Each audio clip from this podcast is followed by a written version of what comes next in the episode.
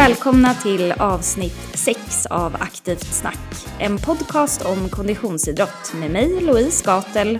Och med mig, Julia Rennemalm. Den här veckan pratar vi med Ida Nilsson som är en av Sveriges främsta traillöperskor och har en intressant löparkarriär bakom sig. Ida började som banlöpare och höll under flera år det svenska rekordet på 3000 meter hinder.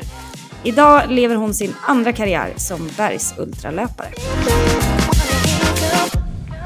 Hallå, hallå, hur är läget? Jo men det är bra, hur mår du?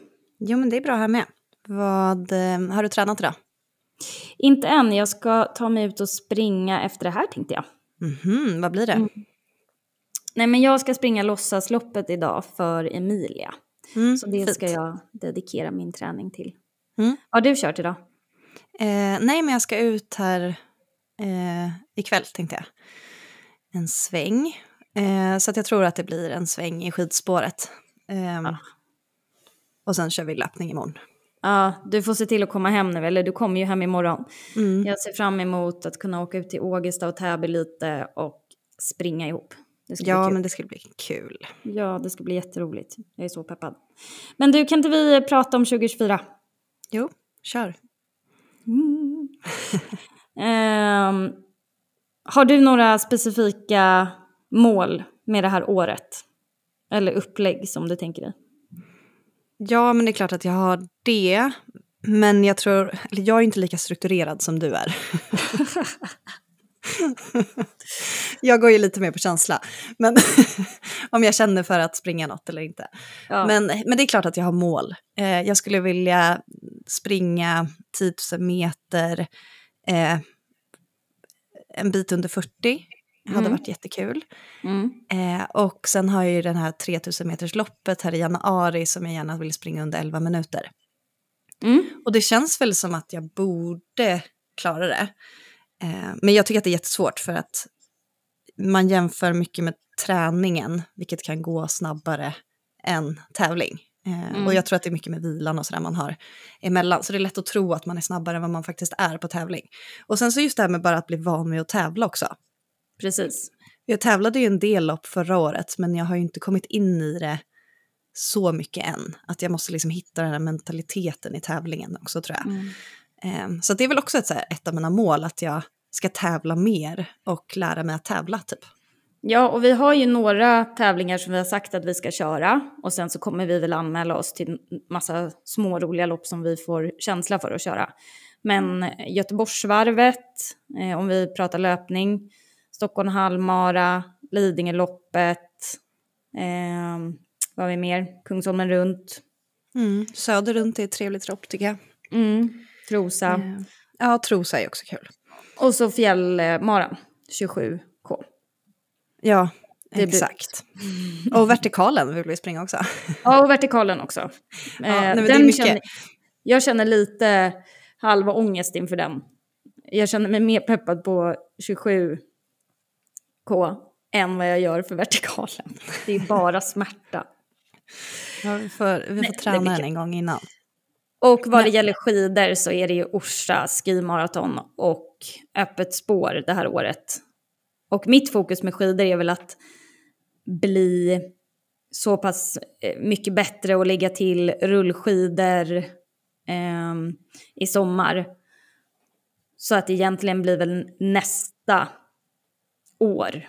Jag tänker att Mm. jag ska ha en riktigt bra tid. Mm. Så det här blir någon form av benchmark. Att Men har du något mål nu då på öppet spår? Alltså, det är svårt att säga tidsmål kanske, i och Ja, med att det det är ju- beroende på väder och sådär. Men eh, Eh, ja, då, det är väldigt svår, svårt att säga eh, tidsmål. Så, och jag tror också att det är svårt för mig i år att säga att jag skulle vilja komma topp, eh, vad det nu må vara, liksom på... mm, Så det tror jag kommer bli inför nästa år. Så det här året skulle väl antingen då, om spåren är likvärdiga förra året, att slå min egen tid eller eh, att sida upp sig eh, mer eller högre än vad jag gjorde förra året. Vad har du Mm. för? nej, men jag vill väl också slå tiden som jag åkte där, när var det? Typ 2017. Mm. Eh, och det känns ju som att jag borde Ja, göra, eh, förutsatt att liksom, vi har bra förhållanden och sådär. Men då åkte jag väl på sju timmar. Så jag skulle Men du, det. du är ju ett praktexempel på att man kan bli riktigt duktig på eh, skate om man lägger ner lite tid och även på klassiskt. Eh, det känns ju eh, väldigt roligt tycker jag. Du är ju väldigt duktig på skate och eh, har väl kämpat lite för det också. Det Ja, ju- absolut. Alltså, jag åkt, började ju åka skate och tragglade ju runt där en hel vinter innan liksom, man kom in i, i flowet och i alla växlar och i tekniken. Och det är det som är så svårt just med skidor, att tekniken, det är ju svårare att lära sig teknik när man är vuxen. Och det, så är det väl inom allt, men ehm, det, har, det är jättestor skillnad på mig och mina systrar till exempel som är uppväxta på längdskidor. De, Mm. Det ser ju så himla naturligt ut när de åker. Mm. Nej men så jag tror att det kommer att bli ett jättekul år. Jag är väldigt peppad på 2024. Tävla mycket, träna mycket, eh, försöka bli, eh, slå sina egna rekord och bli så snabb som det bara går. Ja, och sen tycker jag det är så kul för vi är så jämna Mm, det är vi. i träningen och i, på tävlingar. Så att, eh, jag tror att vi kan vara bra duo att eh, peppa varandra. Precis, vi, att, vi har ju sagt att vi ska försöka, vi fyller ju år på samma dag. Så då har vi väl sagt att vi ska försöka ha en PB-kväll. Det får vi ha. PB-kväll. PB-kväll. Och eh, ta vårat eh, mål på eh, milen. Så att eh, är man kompis med oss så är man välkommen på födelsedagsfest på 10 000 meter. På stadion. Det blir kul. Kul, kul gäng. Mm. Eh, Kul- kul nej, det blir super. Det tycker jag är en jättebra idé. Det är i min smak. Så det, det kör vi på. Eh, men ska vi hoppa vidare till eh, vår, dagens intervju? Det ska vi göra. Vi har med oss Ida Nilsson. Ehm, hon är en superinspirerande löperska tycker jag. Som eh, fortfarande liksom tävlar på hög nivå och haft två löparkarriärer. Så det var jättekul att få prata med henne. Ja, och alternativ träning. Mm. Och eh, sen pratade vi också om ja, hur, vill, hur man lägger upp träning inför specifika lopp och, och sådär. Så att, eh, men ska vi eh, kicka igång? Ja, det gör vi. Mm. Varmt välkommen Ida.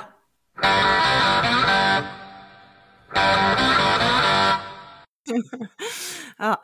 Nej, men välkommen Ida. Jättekul att ha dig här. Tack så mycket. Ja, vad roligt med en ny podd.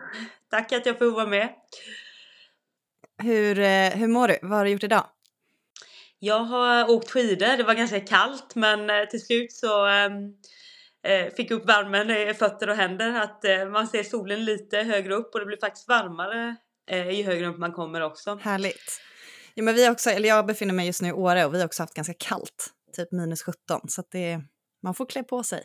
Ja, Eh, ska vi kicka igång med lite frågor? Jag är ju superintresserad kring ja, med löpningen. I och med att man själv håller på mycket med löpning eh, så vet jag att du har hållit på med löpning tidigare, eller vad man ska säga terräng, och gått över till trail de senaste åren. Kan inte du berätta lite om liksom, den övergången? Eh, ja, jag, jag sprang väl mest eh, bana och terräng när jag var yngre då. Jag hann inte riktigt med en eh, vägloppskarriär eh, utan hoppade över till trail och ultra. Eh, men eh, som sagt, jag eh, började ganska tidigt liksom, körde de flesta friidrottsgrenar när jag var yngre. Men ehm, som sagt, jag har inga snabba muskelfiber och är inte så stor fallenhet till för något annat. Så att det, det blev löpning mer och mer undan för undan och det föll sig rätt naturligt. Jag kommer också från en familj där eh, de flesta håller på och springer, förutom en eh, yngre bror som eh, bestämde sig för tiokamp istället.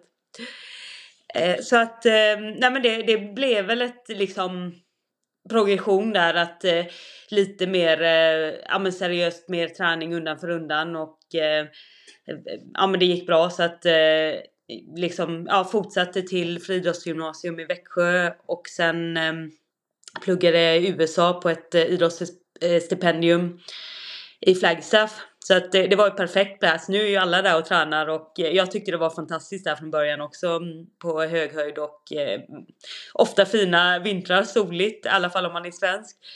Eh, så att eh, det, det var bra år och eh, så fortsatte ett tag både mm, i Göteborg och ehm, hade träningsgäng där. Eh, men så började jag väl liksom få ganska mycket problem med skador och eh, hängde ändå i ehm, Eh, en del år eh, med bekymmer. Men, eh, ja, men till slut så, så blev det så att allvarlig höftskada som inte läkte och jag hade i princip inget annat val än att sluta för det gick inte och mm, hade problem i många, tre, fyra år och, och kunde faktiskt inte ens jogga eller köra motionslöpning eller någonting överhuvudtaget. Så att jag trodde nog att det, det, det var helt över med eh, speciellt liksom elitidrott. Jag hoppades väl att jag skulle kunna börja springa igen senare i livet men eh, det var lite hur jag hittade mer till eh, ja, men friluftsliv och jag har alltid gillat att vara ute och, och röra mig med i fjällen och jag lärde mig åka skidor och eh, ja, men testade på lite med sådana saker och eh, Sen när jag äntligen var hel igen så jag har, jag började väl, jag körde ju lite gatlopp och lite alla möjliga lopp då men det lockade väldigt mycket att testa mer ehm, med traillöpning och eh, springa längre det var lite att eh, slå liksom två eh, flugor i en smäll att jag får träna i väldigt fina miljöer och jag får fortsätta och försöka utveckla mig som idrottare och, och träna hårt. Så att ehm, för mig var det perfekt. Men det låter jättehärligt. Men eh, hur hanterade du då när du fick den här eh, skadan att du inte kunde träna om man är van att träna väldigt mycket och sen så får man en skada där du inte kan och sen så blir det kanske en del av ens personlighet som påverkas, eller hur hanterade du det under de åren? Ja, alltså de, det var väldigt jobbigt eh, tycker jag första långa skadan för att då hade jag haft ganska, ja men kommit undan väldigt lindrigt liksom både gymnasiet och hela universitetet egentligen. Jag tror inte att jag hade Alltså ens en vecka där jag var skadad liksom. Det kan ju vara någon känning eller så här men, men knappt några problem alls utan eh, det var alltid bara att köra på och springa två gånger om dagen och, och tävla året runt och sådär. Så att det, det höll väldigt bra till jag var 25 år där. Och eh, sen eh, när jag tänkte att jag ville ta ett steg till och börja vara med på mästerskap och, eh, och satsa ännu mer så, så kom det lite i en ond cirkel där liksom att jag började bli skadad och sen försökte kanske komma eh, tillbaks lite för snabbt till ett mästerskap och sånt där och, och fick andra problem. Så att och en del liksom var bara otursgrejer som jag hade någon konstig grej i, ett knä, att det bara lossnade en benbit och fick en infektion och sånt. Men en del grejer var ju med att, att det var Alltså när man kan se i efterhand att liksom, ja men det där hanterar jag klantigt liksom eller mm, på ett annat sätt så. Ibland var jag väl medveten om att jag kanske chansade för att det kanske var värt till ett OS liksom. Att man visste att hit måste jag komma om jag ska vara med och då är det värt att ta en chansning liksom och eh, fast man kanske har lite ont om tid. Eh, för det kan ju gå eh, bra också. Ibland har ju sådana där grejer gått eh, väldigt bra så att det är ju först i efterhand som det går att se ibland om det, ja men det där var lyckat eller idiotiskt så att eh, man får ta lite bottennapp och eh, så blir det toppar ibland också. Ja, men förutom liksom det här med miljön och naturupplevelsen och så som du pratar om inom traillöpningen, vad är det du eh, brinner, eller vad är största skillnaden egentligen, den skillnaden mellan liksom tidigare när du har sprungit till traillöpningen och sen har det ändå kommit på så pass hög nivå där också, vad eh, tror du att du tar med dig från din tidigare bakgrund och vad har du fått jobba lite mer extra på för att liksom eh, hamna där du är? Ja, men jag tänker väl på ett sätt är ju alla idrotter rätt likt på eh, när man håller på på en högre nivå. Att försöka liksom få sin kropp att utföra något liksom eh, och, och, lista ut hur, hur, ska jag träna för att eh, eh, prestera då jag helst vill göra det. Eh, så det ser ju väldigt likt ut liksom vad jag gjorde förut och vad jag håller på med nu. Det är ju bara att det krävs lite olika egenskaper och sådär. Eh, och på ett sätt så tror jag att det, det, passar mig ju bättre med längre. Jag har ganska lite snabbhet så att eh, jag fick väl liksom jobba på andra färdigheter för att ändå jag sprang mest 3000 meter hinder och kanske 5000 meter på bana och eh, terräng och sånt så att för att ha tillräcklig snabbhet för det.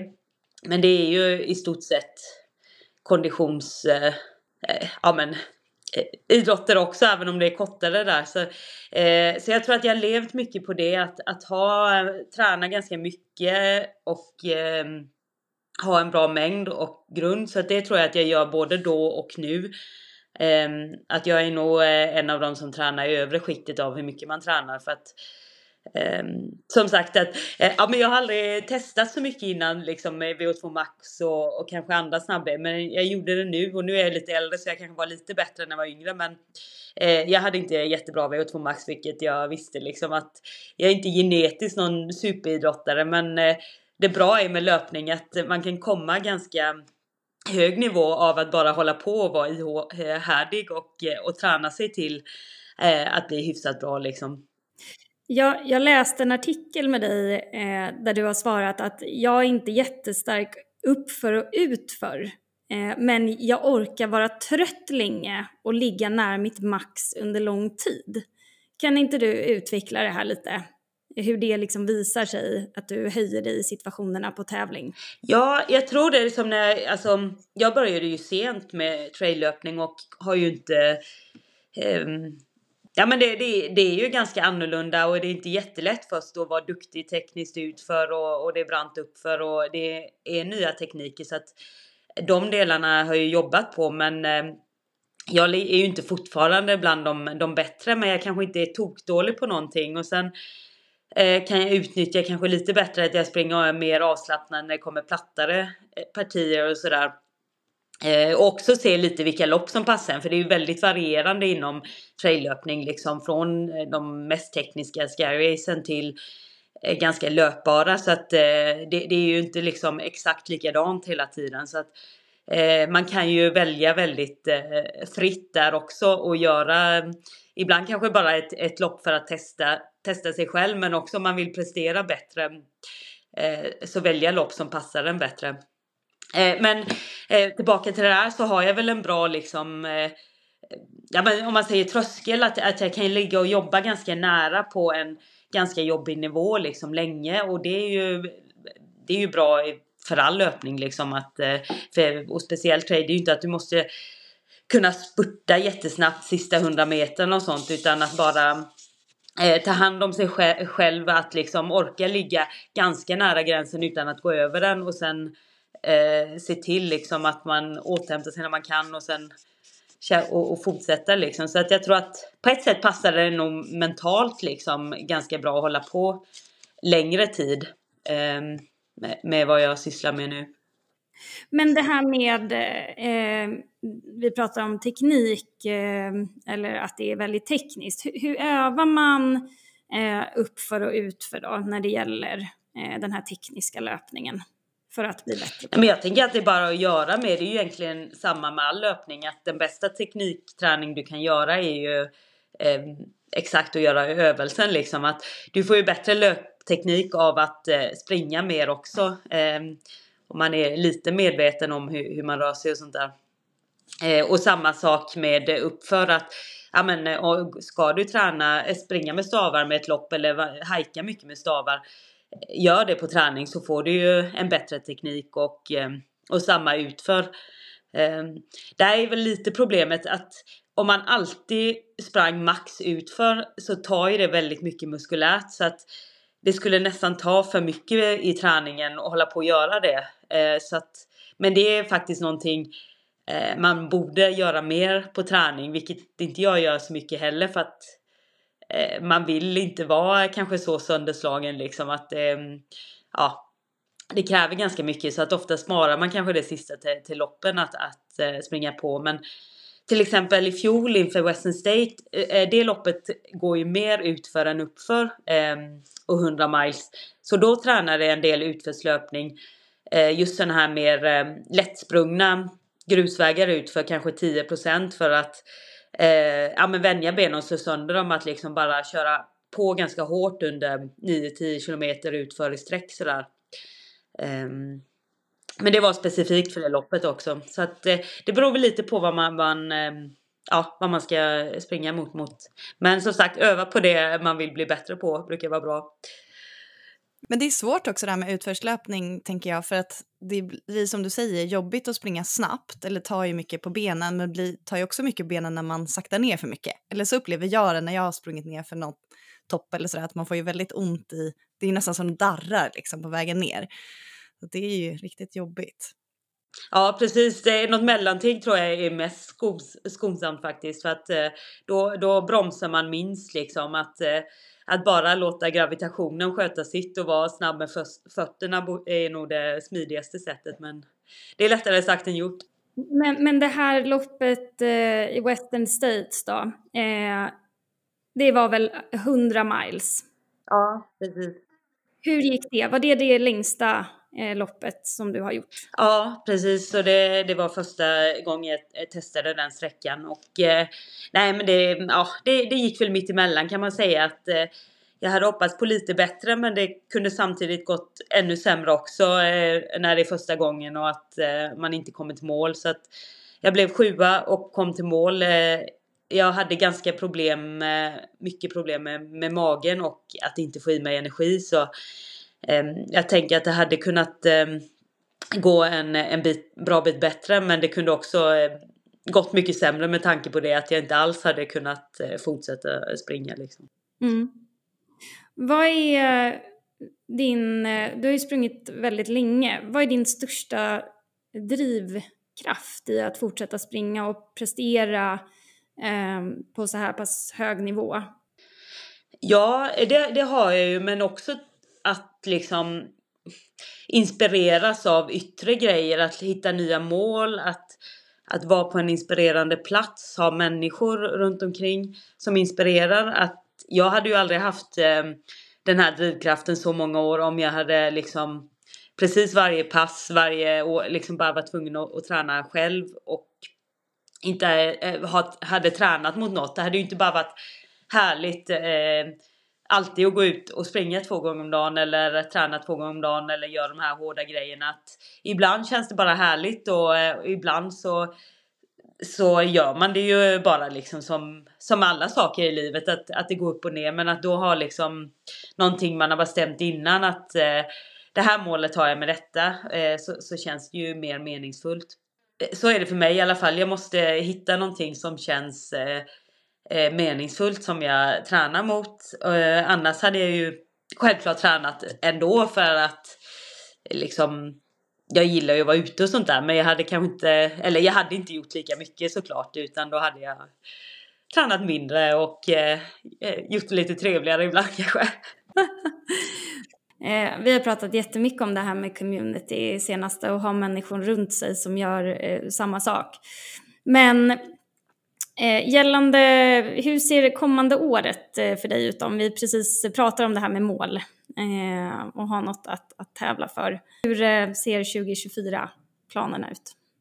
Eh, ja, jag ska eh, åka tillbaka till USA eh, och testa Western State igen. Jag skulle vilja försöka göra lite bättre och nu är, är jag som sagt inkvalad direkt också när jag var topp 10 så jag försöker, behöver inte göra sådana här mitt i vintern-lopp och eh, vinna en golden ticket. Vilket var lite stressfullt eh, förra vintern för som alla vet är det inte jättelätt att, ehm, att springa eh, på stig i eh, Norge eller Sverige under vintern så att eh, ja, det, det, det är skönare att inte behöva springa 100 km i februari om jag säger så. Utan jag kan åka lite mer skidor. men, så det kommer jag göra. Men innan dess eh, åka till La Palma och springa Transvulkania som jag sprungit tre gånger innan. Så att eh, det blir... Eh, och den har du vunnit, eller Ja, jag har vunnit det eh, tre gånger. Och, men det var ett tag sedan jag sprang nu sist, 2018. Så att det blir, det blir kul att komma tillbaka. Du åker ju mycket skidor där säger du. Hur tycker du eh, att skidåkningen påverkar löpningen? Eh, det är faktiskt perfekt för traillöpningen för jag gör um, skidalpinism så att gå uppför på lätta skidor och sen åka utför. Eh, och det är ju precis ungefär det man gör på, eh, på sommaren liksom att eh, eh ja, springer eller hajkar uppför liksom och sen eh, får man ju springa. Nu får man åka skidor men eh, det kan vara rätt jobbigt för benen också. Eh, så att det Tänker jag och det är bättre vinterträning än om jag bara skulle sprungit på löpan till exempel eller eh, halkat runt på isig snö. Jag springer lite under vintern, jag kör en del löpanspass och sådär men att göra all sin mängd löpning under vintern eh, skulle både vara svårt tror jag, skaderisk och inte, inte så kul och faktiskt sämre träning också. Eh, för det här går väldigt lätt och samla mycket timmar så jag, jag tycker att jag bygger mycket av eh, min kondition och eh, form för sommaren under vintern. Mm. Ja, jag tyckte att när vi gick eh, där i Åre nu sist, eh, Julia, då tyckte jag faktiskt att det kändes som att man, även fast vi försökte att inte liksom ta i så, men jag tyckte att det var ett riktigt bra träningspass med topptur, gå upp och ner. Eh, det kändes ju som att det blev ett eh, kvalitetspass liksom. Och precis, och sen om man skaffar ännu lite lättare grejer än topptur så kan man få lite bättre rörelse också med armar och eh, frånskjut och sånt så man inte bara klafsar upp liksom. Så att då, ehm, ja. Nej men, det, nej men det kan nog, alltså det kan ju bli jobbigt ändå som sagt men om man vill ha det lite mer så här löplikt liksom och kunna ta i med vader och sånt där så, så är det ett, ett tips om man har möjlighet under vintern att bo på en plats där det finns backar. Det är en jättebra idé. Hur balanserar du resten av livet med all träning? Vi, vi pratar ju ofta med idrottare som blir lite så mentalt utbrända av att satsa under lång tid. Och hur lyckas du eh, balansera ditt liv? Nej men det, det, går upp och ner för mig som för alla andra med motivation och sådär. Och eh, Ehm, jag hade väl eh, bra på ett sätt att, eh, ja men det är inte så, för jag har inte barn eller så att, eh, det är ganska lätt att få in träningen nu när jag också ja men har en sponsor och jag gör lite andra jobb men de kan jag göra när jag vill.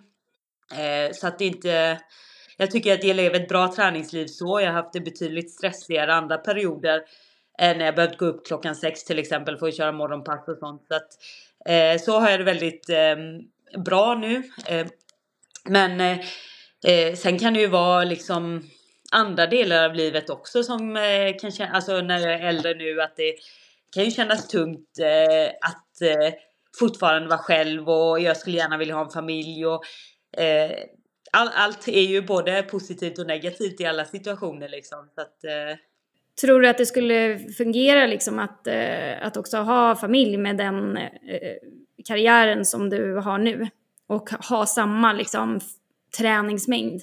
Ja men det tror jag. Alltså, sen beror det ju på hur, hur det ser ut liksom och eh, eh vad man har för partner eller eh, och, och Det är klart att eh, det blir mer pysslande och att eh, försöka vara lite mer effektiv och kanske få ta bort. Men det är klart att det går för det finns ju jättemånga exempel av eh, eh, kvinnor där det går hur bra som helst liksom. Men eh, det behövs ju kanske lite mer support runt omkring också eh, än att vara själv med det. Du bor ju just nu i Norge, eller hur? Ja. Kan du inte berätta lite om, lite om din tid där, där du bor? Eh, ja, men jag flyttade hit ganska eh, snabbt efter att jag hade just börjat med, med ja, men fjällsporter då. Att eh, jag ville åka skidor på vintern och ehm, eh, hålla på med löpning på sommaren. Så att eh, jag hade egentligen bara gjort en säsong då och eh, tävlat i, ja men runt lite i Europa och på olika ställen och behövde välja en plats. För, för under många år så, så jobbade jag och bodde på lite olika ställen så att jag hade inte riktigt eh, en plats där jag hade bott på någon längre tid. Jag var i Åre under ett och ett halvt år, gick en utbildning där och sen jobbade jag uppe i Abisko och sen mer åkte jag runt lite och tävlade så att då eh, kände jag Emily eh, och hon hade redan flyttat hit och jag var och hälsade på och så att ja, men Romsdalen såg ju väldigt eh, fint ut och eh, tänkte att då kan jag ju bo här som eh, lika gärna väl någon annanstans. För det var ju lite Alperna eller eh, ja men någonstans i Norge att det finns ju inte jättemånga platser Eh, där det är bra året runt och, och träna liksom det man vill och att det just ska vara liksom inte en timme ifrån eller att man åker dit på helgen utan det ska vara ens eh, eh, liksom dag till dag liv. Att det är lätt liksom och eh, ha tillgång till, till fjällen snabbt. Eh, så att då flyttade jag hit eh, 2017 tror jag där. Ehm, ja, och, och bott här sedan dess. Om man ska springa ett så här, eh, om det är någon där ute som är sugen på att springa sitt första lite längre lopp eller ultralopp, har du något, något bra ingångslopp som man kan köra som du tycker är eh, en bra början? Ja, jag hade ju fjällmaraton som ett av mina första fjälllopp eh, i Åre. Eh, eller utanför där. Så att det tyckte jag var jättefint och eh, ja men det är ganska snälla fjäll i Jämtland och de har ju olika sträckor också, allt från 8 km till 100 km. Eh, så den kan jag verkligen rekommendera. Mm. Som fin tävling. Det är ju kul. Eh, vi ska springa den 27 va, Julia? Ja, tanken är det. Se hur det går. Men det ska bli kul. Jag har ju bara sprungit den på träning, så det blir kul att tävla den också. Ja, det blir spännande. Eh, men du har ju också Moon Valley. Ja. Eller hur? Eh, men kan du, kan du inte berätta lite om, eh, om det? Eh, ja, det är ju um, Moon Valley vi gör um, ja, men sportnutritionsprodukter, um, barer, sportdryck. Eh, vi har ett recoverypulver. Så det är jag, Emelie Forsberg och Mimmi Kotka som startade det 20 jag tror idén kom 2017 på hösten och sen ett år senare hade vi de första produkterna. Eh, så det, det var jättespännande. Det var Mimmi som kom med idén och vi var väldigt eh, på direkt. Eh, så att det har, mm, ja men det är vårt, vårt jätteprojekt att vi är ganska delaktiga i allting och speciellt att liksom utveckla produkterna och våra för smaker och att det kommer, ja men att vi står verkligen för allting. För vi kände lite att ja, men det är ganska mm, tudelat. Att det fanns ju mycket sådana sportprodukter bara liksom Kanske om man springer ett lopp, ja men det är okej okay att ta bara ett, en sockergel liksom eller eh, någon eh, sportdryck som har någon eh, bara artificial flavor eller, eller sådär där tillsats liksom. Men dag till dag när man tränar mycket så vill man ha någonting som känns lite mer som vanlig mat eller vanliga ingredienser. Um, och då eh, ja, men, tyckte jag ja, det ska vara liksom saker som man i princip kunde ha bakat hemma. Liksom, men, eh, och man ska känna igen ingredienserna och sen känner man ja, men det, det ska vara ekologiskt och så är det eh, ja, veganskt allting. Det får vi testa vi har eh, funderat på att, eh, att göra det så vi får provsmaka lite tänker jag. Ja, men jag ska se till att vi, vi skickar en, en låda där från eh, fabriken i Göteborg. Gulligt. Ja, nu måste vi ut och springa långt på fjället så vi kan liksom äta det samtidigt. Exakt. Ja, det funkar bra i stan också, eller mellan möten och sånt. Det är bättre än en Snickers. Ja, exakt. Ja, men vad spännande. Men berätta lite om det ni ska göra i helgen. Det pratade vi lite kort om innan också. Ja, eh, det här är ju ett väldigt eh, fint initiativ som eh, Idre fjällmaraton. Också ett trevligt lopp att testa på som första eh, fjälllopp eller traillopp. Eh, de, det, ja, det, jag vet inte hur, vi måste ju gå tillbaka till eh, Ja, när var det nu?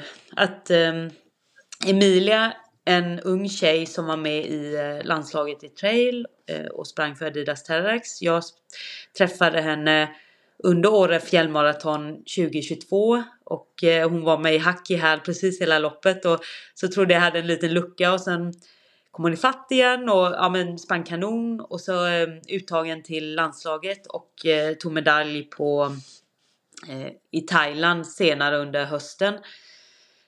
och ja, sprang eh, förra året också på VM tillsammans med andra lagkamrater där, bland annat Johanna Åström och Petter Engdahl och Emily som, som bor här också på Håndalsnäs. Eh, och nu efter eh, när hon gick bort eh, i självmord så har ju Idra gjort det här låtsasloppet nu på lördag för att samla in pengar till Suicide Zero. Så det känns jätteviktigt att eh, försöka bidra till eh, på något sätt. Så att vi tänker springa ihop här på lördag. Och jag vet att eh, det finns någon grupp i året som tänker spränga ihop. Och eh, det är på många platser i Sverige. Så att eh, eh, ja, var gärna med på det och, och bidra på något sätt. Och eh, gå in på deras hemsida eller på Instagram så ser ni information om eh, eh, mer detaljer om det här låtsasloppet som är på allvar. Ja, Eh, det här avsnittet kommer ju släppas efter det här loppet går, men jag tänker att vi delar en länk på Instagram om hur man kan gå in och anmäla sig och delta i det här också. Ja, precis. Och det är säkert lite öppet till, ja, det står nog där, det kanske är öppet, gå och springa någon annan dag också och sånt där. Jag vet inte, alltså alla går ju alltid och skänka pengar till Suicide Terror, men de har sin egen insamling i Idre fjällmaraton i samband med det här loppet. Väldigt eh, bra initiativ och eh, viktigt eh, att lyfta tycker jag. Så det, är ni en grupp, ni som bor tillsammans som springer det? Eller är det fyra tjejer? Ja, det är jag, Johanna Åström, Petter Engdahl och Emily Forsberg. Så att eh, vi är svenskgänget som bor här och som, som alla var lagkamrater med henne. Så får vi se, det kanske är fler som stöttar härifrån också. Men eh, vi började med det. Bor ni, eh, bor ni alla fyra ihop? Liksom i, eh, är ni alla roommates? Ja, inte i samma... Eh, jag hyr faktiskt ett hus med Johanna Åström. Men annars eh, bor vi på eh, lite utspridda runt. Det är ingen som bor exakt i Åndalsnäs men vi bor i närheten där. Tränar ni liksom mycket alla tillsammans som grupp eller tränar ni mycket individuellt? Eller hur brukar det se ut? Ja men vi försöker samköra liksom då och då och Eh, Eh, ja men eh, ibland kanske inte alla tränar ihop men vissa tränar ihop och ibland tränar vi en stor grupp ihop. Men vi har ehm, eh, kontakt liksom att vi har skapat som en, en grupp här så att eh, vi gör grejer ihop ibland och sånt. Så att det är väldigt bra sammanhållning och eh, bra träningssällskap. Hur, hur, mycket volym måste du liksom springa eh, nu när vi inte pratar skidor då, men sen när det, när det blir barmark? Hur mycket springer du ungefär på en vecka? Ja, det är svårt att säga. Alltså, för ofta så räknar jag ju lite på allting med höjdmeter och distans och tid. För det beror ju väldigt på, som här i Norge så tar allt en väldigt tid. Att det kanske inte blir så mycket distans. Men det kan bli massa höjdmeter och eh, ta väldigt lång tid. Eh, sen så eh, inför Western State som jag var med och löpte, då insåg jag att ja, det, det, jag måste springa mer eh, lätt stig eh, och springa mer kilometrar för Eh, det är som sagt 160 kilometer, det kommer man inte undan. Eh, så då sprang jag en del eh, veckor där mellan 16 och 18 mil. Men det är ganska sällsynt annars utan då ehm, kör jag nog lite mer att det kan vara några stora veckor ibland med mycket eh, höjdmeter och sånt där. Men en stor del under vintern så, så kör jag ju mycket skidor och springer en del, kanske max. Ja men om vi säger mellan 5 och 10 mil i veckan kanske jag bara springer på vintern. Eh, 10 är mycket om, om jag skulle förbereda ett lopp då i, under vintern eller framåt våren. Eh, och mycket timmar skidor. Men sen eh, på eh, ja, under sommaren så blir det ju vissa slumpar. Men när jag tävlade mycket så tyckte jag att jag knappt hann träna under sommaren. För de, de här långa loppen tog så mycket. Eh, nu tävlar jag inte riktigt lika mycket men de första åren så vet jag att jag sprang ju 20 lopp på en sommar liksom. Från eh, kanske sprang 5 70-80 km lopp, 5 maraton och sen lite kortare distanser. Att allt det där eh, tog ju ganska mycket så då kände jag så här, men jag hinner inte göra så jättestora löpveckor liksom. Här snackar vi om någon som springer riktigt mycket. Inga små volymer. Nej, så att eh, ja. Eh, men, men nu springer jag som sagt lite, speciellt när det blir så långa lopp som eh, 100 eh, miles så eh, måste det både ha lång tid innan och lång tid efter. Så att då blir det ja, men en mer eh, träningsblock och eh, eh, lite mer vila efter också. Så att eh, ja, det varierar. Men lägger du upp de här träningsblocken själv då eller ja, hur planerar du? Jag planerar själv, ja. jag har ingen tränare.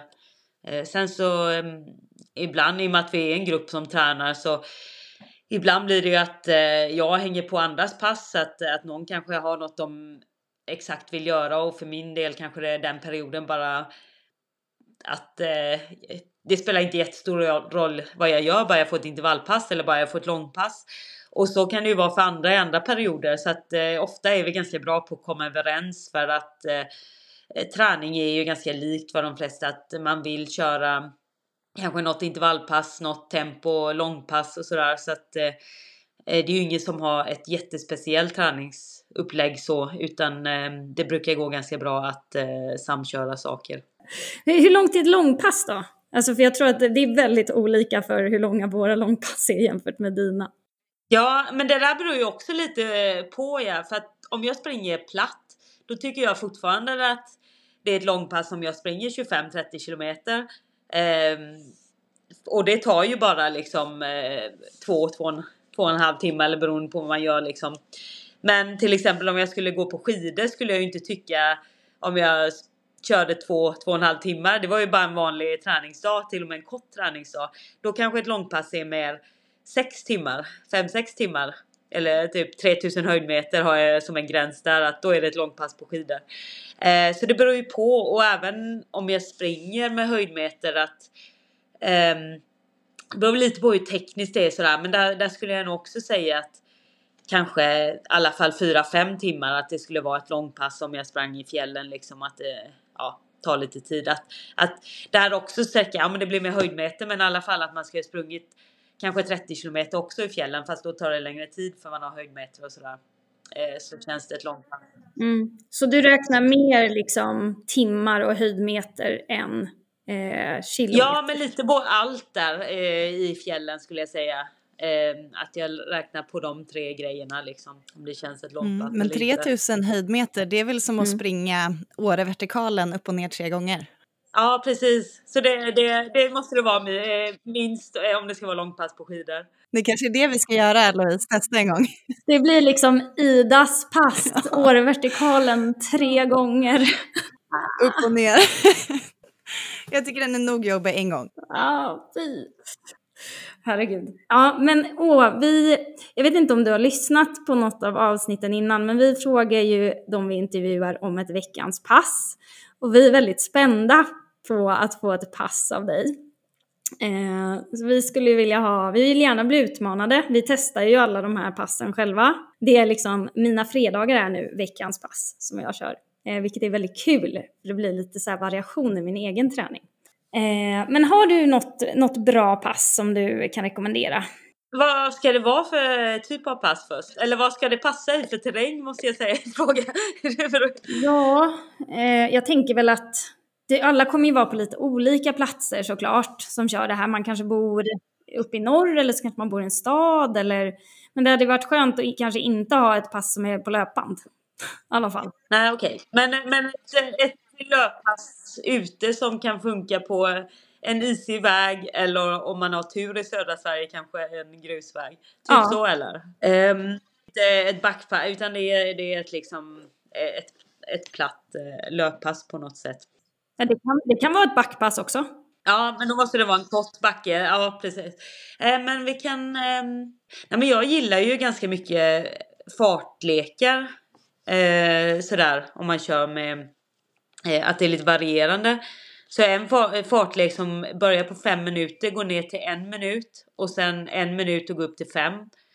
Det är en fartlek som jag har kört ganska, alltså sen jag gick på universitetet och jag kan fortfarande göra den ibland ute. Eh, och den är ganska bra för att då behöver det inte vara liksom exakt distans. Det, gör, det kan vara kuperat, man kan köra den uppför, man kan köra den helt flatt. Den, den går att köra på löpande också. Så att man börjar fem minuter, eh, 4, 3, 2, 1 och sen ett upp till fem så att och en minuts joggvila hela tiden. Eh, och då blir ju eh, vilan förhållandevis längre så att man kör på snabbare när det blir kortare intervall.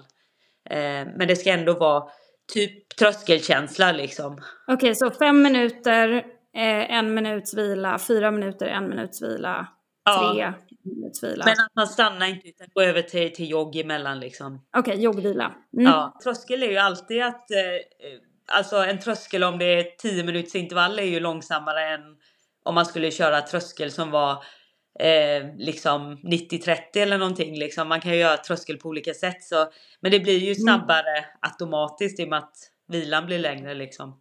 Kul! Det låter ju som ett ganska kul pass. Nej, och sen om man vill göra det jobbigare liksom, så kan man ju försöka hålla farten när man gå upp sen i minuter. För man kan liksom börja lite lätt eh, lugnare och så blir det snabbare undan för undan och sen när det börjar gå upp igen att försöka hålla i en lite snabbare fart och det är ganska lätt att göra för de har fått upp farten på de där en två minuterna och sen utmana sig att hålla det lite längre när det blir längre intervaller igen. Ja men det blir väl ett jättebra pass för det blir väl, vad blir det, 30 minuter va totalt? Ja, så det blir 30 minuter totalt. Eh, så det är en ganska bra eh, intervalltid eh, för de flesta. Det där kändes som ett eh, bra pass för mig. Sådana pass gillar jag.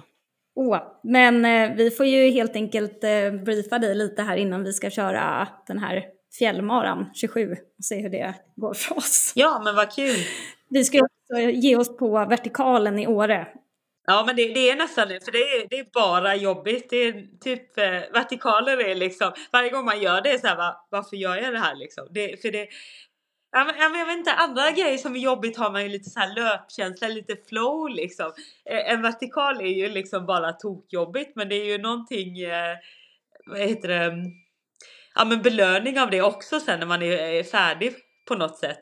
Men eh, det är inte jättetrevligt när man håller på med det. Fy. oh, men gud, så himla trevligt att få träffa dig Ida. Eh, jättekul.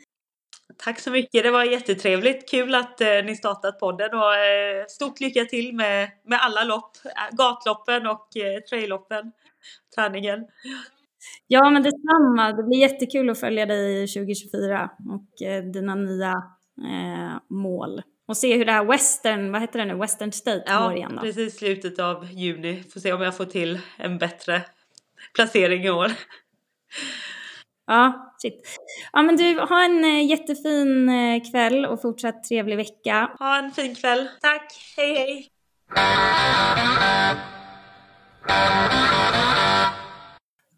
Tack Ida för att du ville vara med i vårt sjätte avsnitt av Aktivt snack. Tänk Louise, sex avsnitt. Hurra! Nej, men jag är jätte... det känns jättekul att eh, vi har kickat igång det på riktigt. Ja. 2024 kommer bli ett toppenår. Mm, men det tror jag med. Men med tanke på att kicka igång så nämnde ju vi förra veckan att vi kommer släppa en serie. Och den börjar nästa vecka och kommer släppas mellan intervjuerna och den heter Prestationshjulet. Mm, och den består ju av sju block då, så det kommer vara sju eh, separata avsnitt. Så att vi tror att ni kommer få väldigt mycket ut av det här, så vi hoppas att ni hänger med på det. Ja, det är klart ni ska hänga med. Ja, det är klart ni ska hänga med. Men eh, ska vi båda ta oss iväg ut och träna? Ja, det är dags. Det är dags. Vi hoppas att ni gör detsamma och att ni får en toppenvecka allihopa så hörs vi snart igen. Vi hörs. Ha det! Hej!